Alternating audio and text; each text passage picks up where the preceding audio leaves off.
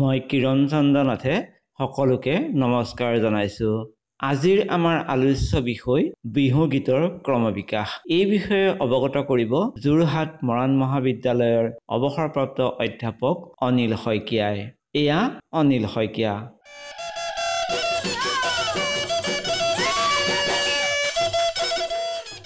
অনিল শইকীয়া। মৰাণ মহাবিদ্যালয়ত চাকৰি কৰিছিলোঁ। মোৰ যোৰহাটৰ যিখন ঠাইত জন্ম সেই ঠাইখনৰ নাম ৰংদৈ। ৰংদৈ দগাঁও এই ৰংদৈ দগাঁও বিহু সংস্কৃতি আৰু বৈষ্ণৱ সংস্কৃতিৰ কাৰণে খুব বিখ্যাত। আৰু আমি জন্মৰ পৰাই বৈষ্ণৱ সংস্কৃতি আৰু বিহু সংস্কৃতিতেই সেই তাৰ কোলাতেই ডাঙৰ দীঘল হৈছিলোঁ। প্ৰথম আজিকালিৰ বিহুটো। সেইটো কাৰণে আপুনি চিন্তা নকৰিব বা আমি কোনেও চিন্তা কৰা উচিত নহয়। এইকাৰণে যে জাতিয়ে জানে কাক নিৰ্বাচন কৰিব লাগে আৰু কাক বৰ্জন কৰিব লাগে। সেইটো লোকসংগীতৰ এটা সংজ্ঞাই।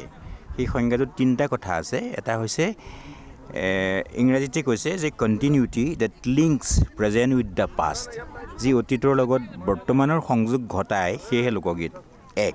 দ্বিতীয় কথাটো হৈছে refine by an individual or in a group ই পৰিশোধনো হ'ব পৰিশীলিতও হ'ব। এজন ব্যক্তিয়েও কৰিব পাৰে বা এটা দলেও কৰিব পাৰে। আৰু তৃতীয় কথাটো হৈছে selected by the community community sometime accepted and sometime rejected and community knows what to be accepted and what to be rejected জাতিয়ে জানে কাক বৰ্জন কৰিব লাগে আৰু কাক গ্ৰহণ কৰিব লাগে। কিমান ওলালে সেইটো ডাঙৰ কথা নহয়। পিছে আমি কি গাই আছোঁ যে প্ৰথমে প্ৰণাম আই সৰস্বতী এইটো এইটো কোনোবাই ক'ব নেকি? এইটো পেলাই দিয়ক বুলি নকয়। আমাৰ অতীতৰ লগত সংযোগ কোনবিলাক হৈছে? সেইবিলাকৰ পৰা চাগে চেলাবোৰ ডবোৱা কটাৰী আৰু আমাৰ যিবোৰ বিহুৰ অতীতৰ সুৰ আছে তাৰ ভিত্তিত কোনোবাই কিবা কিবি ৰচনা কৰিছে। এইটো ডাঙৰ কথা নহয়। ডাঙৰ কথাটো সেইখিনি আৰু পাঁচশ বছৰ থাকিব নাথাকে আজি পাঁচ বছৰৰ আগতে কোনোবাই চি ডিত কৰা বিহুটো সেইটো দুবছৰৰ পিছত আৰু মঞ্চত নেগোৱা হয়। মই এজন ল'ৰাক সুধিলোঁ কিয় নেগোৱা? বোলে এইটো পুৰণা হ'ল। মই কোনটো গীত সেইটো কথা ক'বলৈ নাযাওঁ কিন্তু জাতিয়ে জানে কাক গ্ৰহণ কৰিব লাগে আৰু কাক বৰ্জন কৰিব লাগে। সেইকাৰণে জাতিয়ে এতিয়া উঠি অহা আমাৰ চামে নতুন চামে কৰ্মশালা কৰিছে। বিহু কৰ্মশালা কৰি বিহুৰ আচল সুৰ আচল ঢোলৰ বোল এইখিনি। মোৰ বিশ্বাস মই নিজেই কম্পিউটাৰত কাম কৰোঁ মই নিজেই গানৰ ৰেকৰ্ডিং কৰোঁ কিবা কিবি কৰোঁ। তাত কিন্তু কম্পিউটাৰত ঢোলৰ শব্দটো দিব নোৱাৰি কিন্তু ইতিমধ্যে যিটো বাণীবদ্ধ কৰি থৈছে টাকিগেন গিগেন জাকিগেন জিগেন জাক জাক টাকি দিগেন নাকিগেনে গিগেনিগে নাকিগেনে সেই বাণীবদ্ধ কৰি থোৱা কম্পিউটাৰৰ বোলটো আনি ক'ৰবাত লগাই দিব পাৰে।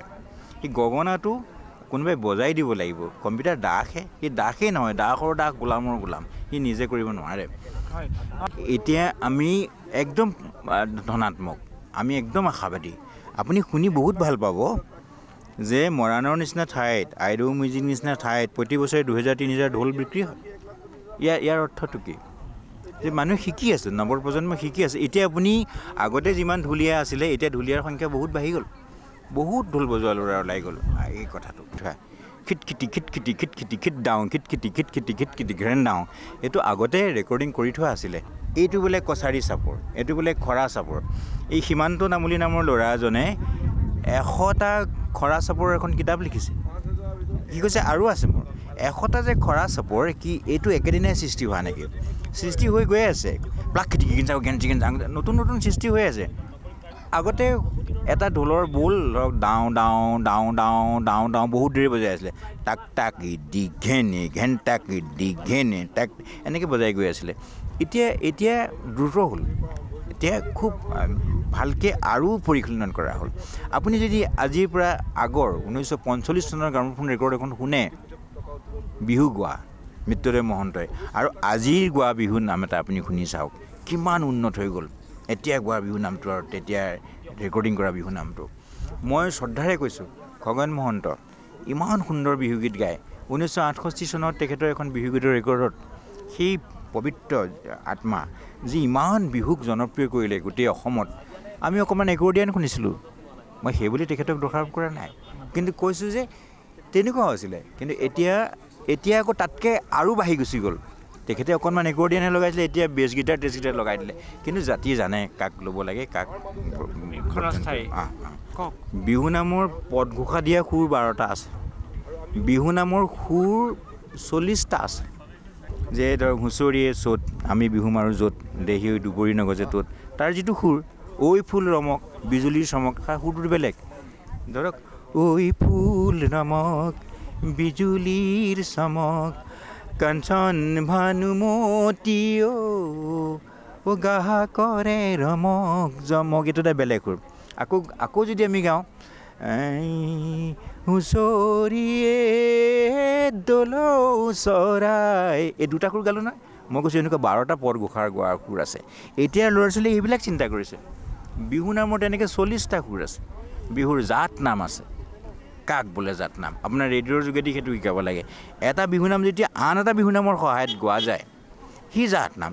জাত নামটো এটা শব্দও হ'ব পাৰে। জাত নামটো দুটা শব্দও হ'ব পাৰে। জাত নামটো চাৰিটা শব্দও হ'ব পাৰে। জাত নামটো এশৰীয়া হ'ব পাৰে। জাত নামটো দুশৰীয়া হ'ব পাৰে। জাত নামটো পোন্ধৰ বিছাৰি হ'ব পাৰে। সেই জাত নামটো কিন্তু এটা আন এটাৰ লগত গাব গাব পাৰিব লাগিব। তেনেকৈ আমাৰ ঠেলা নাম আছে। বিহুত তেনেকৈ আমাৰ জোৰা নাম আছে। তেনেকৈ আমাৰ ফকৰা আছে। ফকৰাটো কেনেকুৱা? কথা কোৱাৰ নিচিনা। কিন্তু ফকৰাটোত হাঁহি উঠিব লাগিব মানুহৰ কেনেকুৱা হাঁহি উঠিব লাগিব? বোলে গেলা কোমোৰাৰে পানী সমনীয়া গেলা কোমোৰাৰে পানী। বোলো হয়নে? বোলে হয় হয় হয় হয়। এইজনী নাচনী কেলৈ লাগিছে? নিয়ক বুঢ়া শিয়ালে। টানি সৰু টানি ৰহিমলা ৰৈ ৰৈ ধেমালি কৰা ৰহিমলা ৰৈ ৰৈ ধেমালি ৰৈ ৰৈ ধেমালি। প্ৰথম চোৱা কথা কোৱা নিচিনাই ক'ব। তেনেকুৱা বিহু নামৰ সেইখিনি সুৰৰ কথা আপোনাক ক'লোঁ।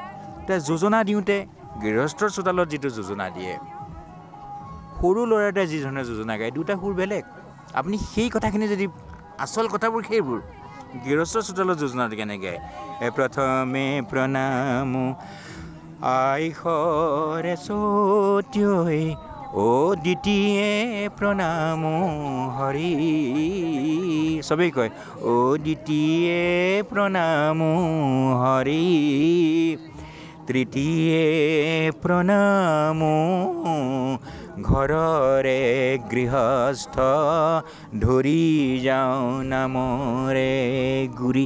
এইটো গৃহস্থ চোতালত গোৱা বিহু যোজনাটো সৰু ল'ৰা এটাই যোজনা গায় তেনেকৈ নেগায় সৰু ল'ৰাটোৱে কেনেকৈ অতিকৈ চেনেহৰ মুগাৰে মহুৰা অ' তাতোতকৈ চেনেহৰ মাকো। তাতোতকৈ চেনেহৰ বহাগৰ বিহুটি নাপাতি কেনেকৈ থাকোঁ এইটো বেলেগ সুৰ। কিন্তু এই বনত যেতিয়া ডেকা এটাই এজনে যোজনাৰ নিচিনাই গাব হায় তোমালৈ চাওঁতে ম'হৰ গোৱালত উঠি সেইটো কেনেকৈ গাব? আয়া মতা মহৰ বেজাৰত তেতিয়া তেনেকৈ গাব। তেনেকুৱা বিচিত্ৰ সুৰ আছে। এইখিনি আমাৰ সুস্থ চিন্তা চৰ্চাটো সেইটো। আমি সমালোচনা কৰিলে বস্তুটো বিহুটোক নাপাম কিন্তু। ভিতৰত যিটো বস্তু আছে আৰু বিহুটো এটা ক্ৰমবিকাশৰ স্তৰত আহি আছে। আপুনি দৰকাৰ হ'লে কাটি দিব ইয়াৰ পৰা। কম প্ৰথমতে হাবিৰ কাষত গাইছিলে হাবিৰ মাজত নহয় কিন্তু। আজি আমাৰ যিখন পৃথিৱী দেখিছে লাইটে টাইটে মাইকে চাইকে গাড়ীয়ে মটৰে। আজি পাঁচশ সাতশ আঠশ বছৰ আগত লাইটো নাই মাইকো নাই গাড়ীও নাই গুড়াও নাই ৰাস্তাও নাই পকাশালিও নাই কেৰাচিন তেলো নাই। তেনেকুৱাত ৰাতি যদি বিহু মাৰিছিলেগৈ হয় ৰাতি বিহু মাৰিছিলে ৰাতি পৰে পৰে ফেঁচাৰ বিকি উলিয়াই আমাৰ বিহুত আমনি নাই। সেইবুলি বিহু নামটো কি ৰাতি বিহু নাম গাইছিলে কৰিছিলে। এতিয়া হাবিৰ মাজত নহয় কিন্তু হাবিৰ কাষত গাইছিলে। তাৰপিছতে গৃহস্থ চোতাললৈ আহিলে দ্বিতীয় স্তৰটো। তাৰপিছত যে শ্ৰীমন্ত শংকৰদেৱ আহিলে তেতিয়া গোটেই ধৰ্মৰ আমাৰ প্ৰভাৱটো কৃষ্ণ গোপাল গোবিন্দ এই কথাবিলাক বিহুলৈ আহিলে। আপুনি মন কৰিছেনে? তাৰপিছতে যে সেয়া ষোল্ল শতিকাৰ কথা। তেতিয়া বিহুত কৃষ্ণ শব্দটো আহি গ'ল। আগতে বিহুত কৃষ্ণ নাছিলে। আই সৰস্বতী লং ফুল বকুলি তোমালৈ মানি যাওঁ কি?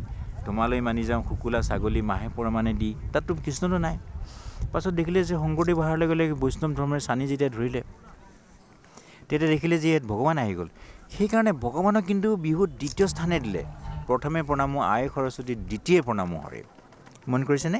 সেইতে আহিলে। তাৰপিছত যেতিয়া ৰুদ্ৰসিংহই মাতিলে ষোল্লশ ছয়ানব্বৈৰ পৰা সোতৰশ চৈধ্যলৈ এইটো ৰুদ্ৰসিংহৰ ৰাজত্বৰ কাল। ৰুদ্ৰসিংহই ৰংঘৰৰ বাকৰিলৈ যেতিয়া মাতিলে ক'লে যে তোমালোকক পুৰস্কৃত কৰিম আহা। তেতিয়া কি হ'ল? তেতিয়া আকৌ বেলেগ ধৰণৰ বিহু নাম ওলালে। স্বৰ্গদেৱ ওলালে বাটচৰাৰ মুখলৈ দুলিয়াই পাতিলে তোলা। মন কৰিছেনে? গাতে জিলিকিলে এইবিলাক গাবলৈ ধৰিলে। আৰু তেতিয়া ভয় ভয়কৈ গাইছে? এ দেউতা ঈশ্বৰৈ নামত নধৰিবা। দায়ে দেউতা ঈশ্বৰৈ পদত নধৰিবা। এনেকুৱা বিহুনাম ওলালে। ইংৰাজবিলাক যেতিয়া আহিলে স্কুল হ'ল কোৰ্ট হ'ল কাছাৰী হ'ল তেতিয়া আমাৰ ৰাতি যে বিহু গাই আছিলে সেইটো লাহে লাহে নাইকিয়া হৈ থাকিলে। এই ৰুদ্ৰসিংহৰ দিনৰ হওক বা তাৰ আগৰ পৰা চোতাললৈ বিহু গৈছিলে তাৰপিছতে ব্ৰিটিছ অহাৰ পাছতে প্ৰযুক্তি আহি গ'ল ৰেডিঅ' আহি গ'ল। তাৰপিছত এতিয়া ঊনৈছশ আশী চনমানৰ পৰা গ্ৰামফোন ৰেকৰ্ড আহিলে। ঊনৈছশ তিৰাশী চন পৰা গ্ৰামফোন ৰেকৰ্ড নাইকিয়া হৈ থাকিলে। চি ডি কেছেট আহিলে চি ডি আহিলে। একেবাৰে শেহত যিটো কথা হ'ল যে নামটোৱে গীতটোৱে পৰ্দাত চাব পৰা হ'ল। এতিয়া বিহু নামটো চায় কিন্তু কিন্তু এই যে পৰিৱৰ্তনৰ স্তৰে স্তৰে বিহুটো আহি আছে। আৰু এটা সময়ত মানুহে সন্দিহান হৈছিলে যেতিয়া বিহুলে হেম বুঢ়াগোহাঁয়ে লিখিছে কি লিখিছে যে বিহুলে বৈষ্ণৱ সংস্কৃতি অহাৰ পৰা বিচুৰ কিছু উচ্ছাস ম্লান পৰিলে বুলি লিখিছে। এই পৰিৱৰ্তনটো হ'বই আপুনি তাক বাধা দিব নোৱাৰে কিন্তু ই ভাল নে বেয়া সেইটো বেলেগ কথা। ভাল নে বেয়া সেইটো বেলেগ কথা কিন্তু পৰিৱৰ্তনক কোনো বাধা দিব নোৱাৰে। ভাল বেয়াটো কমিউনিটিয়ে বিচাৰ কৰে আৰু কমিউনিটিয়ে জানে কাক গ্ৰহণ কৰিব আৰু কাক বৰ্জন কৰিব। তাৰ কাৰণে সন্ধিয়া নোহোৱা দৰকাৰ নাই। আমি পৰম আশাবাদী অসমত খুব কমেও তিনি হাজাৰ চাৰি হাজাৰমান কৰ্মশালা হয় চ'ত মাহত।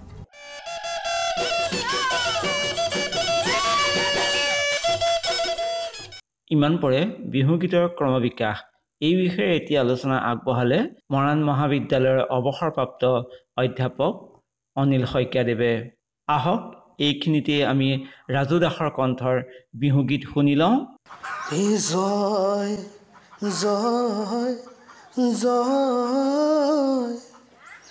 জয় সাগৰ পুখুৰী। এই জয় জয় জয় শিৱসাগৰ পুখুৰী। এ জয় দৌল শিৱদৌল অসমৰ কীৰ্তি। এ দেহি ঐ যোগে যোগে ৰ'ব জিলিকি। এই জয় জয় জয় জয় সাগৰ পুখুৰী। জয় জয় জয় শিৱসাগৰ পুখুৰী। জয় দৌল শিৱদৌল অসমৰ কীৰ্তি এ দেহি ঐ যোগে যোগে ৰ'ব জিলিকি। বৃন্দাবনৰ মাজে কানা গোধেনু চৰাই। দুহাতে ধৰিয়া কানাই মুৰলী বজাই এই কানাই বৃন্দাবনে যায়। আৰু এটি হুঁচৰি আমি শুনিব বিচাৰিম। ঐ ৰিপ ৰিপ ঐ ফাগুনৰ বাবলিলে ঐ গিৰ গিৰ গিৰ গিৰ মেঘেনো গৰজিলে। ঐ চিপ চিপ চিপ ডাৱৰে চকু পানী টুকিলে। গছৰ ডালে ডালে কুঁহি পাতৈ ওলালে। ঐ কুলিকে তেকিয়ে ঐ ইনালে বিনালে। ৰঙালী বিহু পাই আমাৰ মনো জালে ঐ আহ সৌধন কান্ধতে ঢোলেটি মুখতে পে পাতি বিহু মাৰিবলৈ ঐ বিহু মাৰিবলৈ যাওঁ তাৰপিছতে বিহুটো আৰম্ভ হয় এইটো আমাৰ উপস্থাপন গীত হৰি কলিয়াতা গাম এই বৰঘৰৰ পিৰালি এই বহি লৈ দেউতা ঐ আমাৰ বিহুখন ঐ ঐ চাই ঐ আমাৰ বিহুখন ঐ চাই এই বিহু নামে ফাঁকি ঐ ঐ গাবলৈ ওলাইছোঁ এই আমাক নধৰিবা এটা আমাৰ হুঁচৰি কলি। অকণমান বিহু। হে জানো এও ফুল ফুলা দি এ ফুলিলি মইনা। ঐ খালি খালি ধা নৰৈ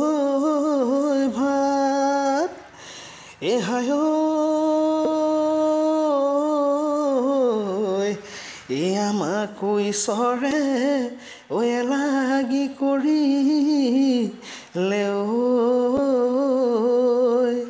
এই কোনে দিয়ে যাব? এই মাতে মোৰ এই নাচনী ঐ কোনে দিয়ে যাব? ঐ জাকৈ খালে খালে এই ৰৈ ৰৈ ৰতি এই বাবি হৈ লগৰী মইনা হামতি। ঐ পল বিলে বিলে এই ৰৈ ৰৈ ৰতি বাবি হৈ লগৰী মইনা হামতি ভৰি ভালে কৰি দিবি ঐ লগৰী দিবি ঐ লগৰী শিঙৰিয়ে ফুটিব শিঙৰিয়ে ফুটিব চাবি। এয়া আছিল ৰাজু দাসৰ কণ্ঠৰ বিহুগীত। তেনেহ'লে আজিৰ খণ্ড আমি ইমানতে সামৰিছোঁ। নমস্কাৰ। ব্ৰহ্মায়াদি কৰি জীৱ যত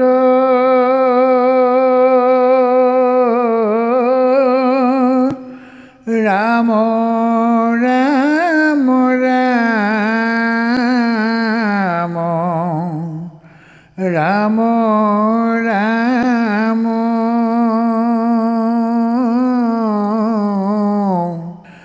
মায়া শয্যা মাজে আছো। ঘুমতি যাই।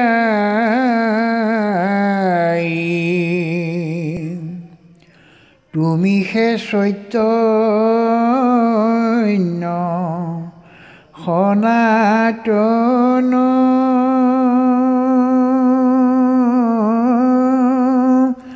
ৰাম ৰাম ৰাম ৰাম ৰাম আমি অচেতন নিউ কওঁ নাথ যোগাই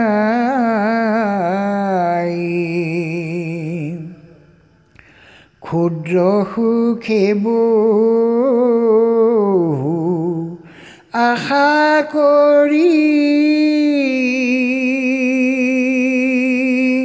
ভৱ কুপেজীৱ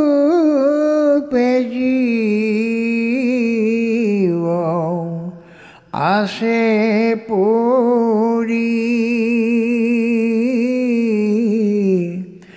কালসৰ পেদংশী হৰি লওঁ। চেতনতা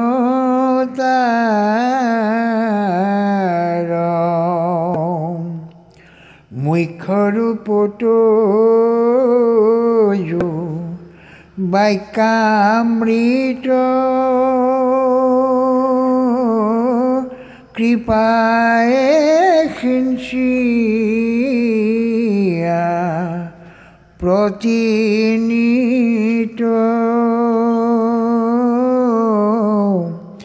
দয়াময় কৃষ্ণ করি।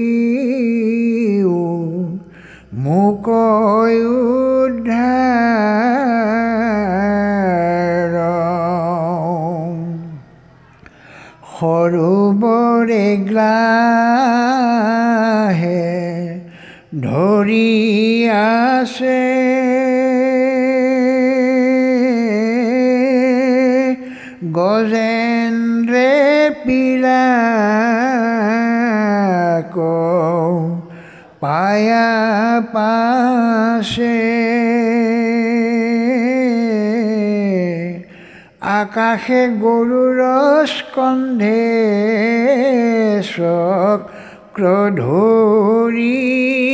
হৰি।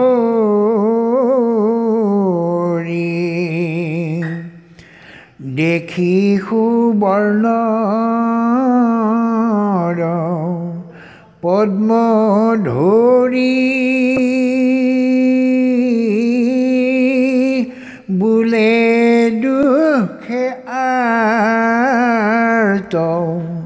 নাদ কৰি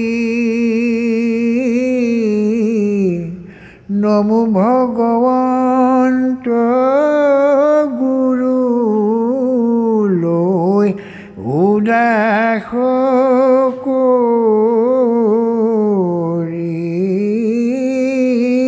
নমো ভগৱন্ত dù đã khô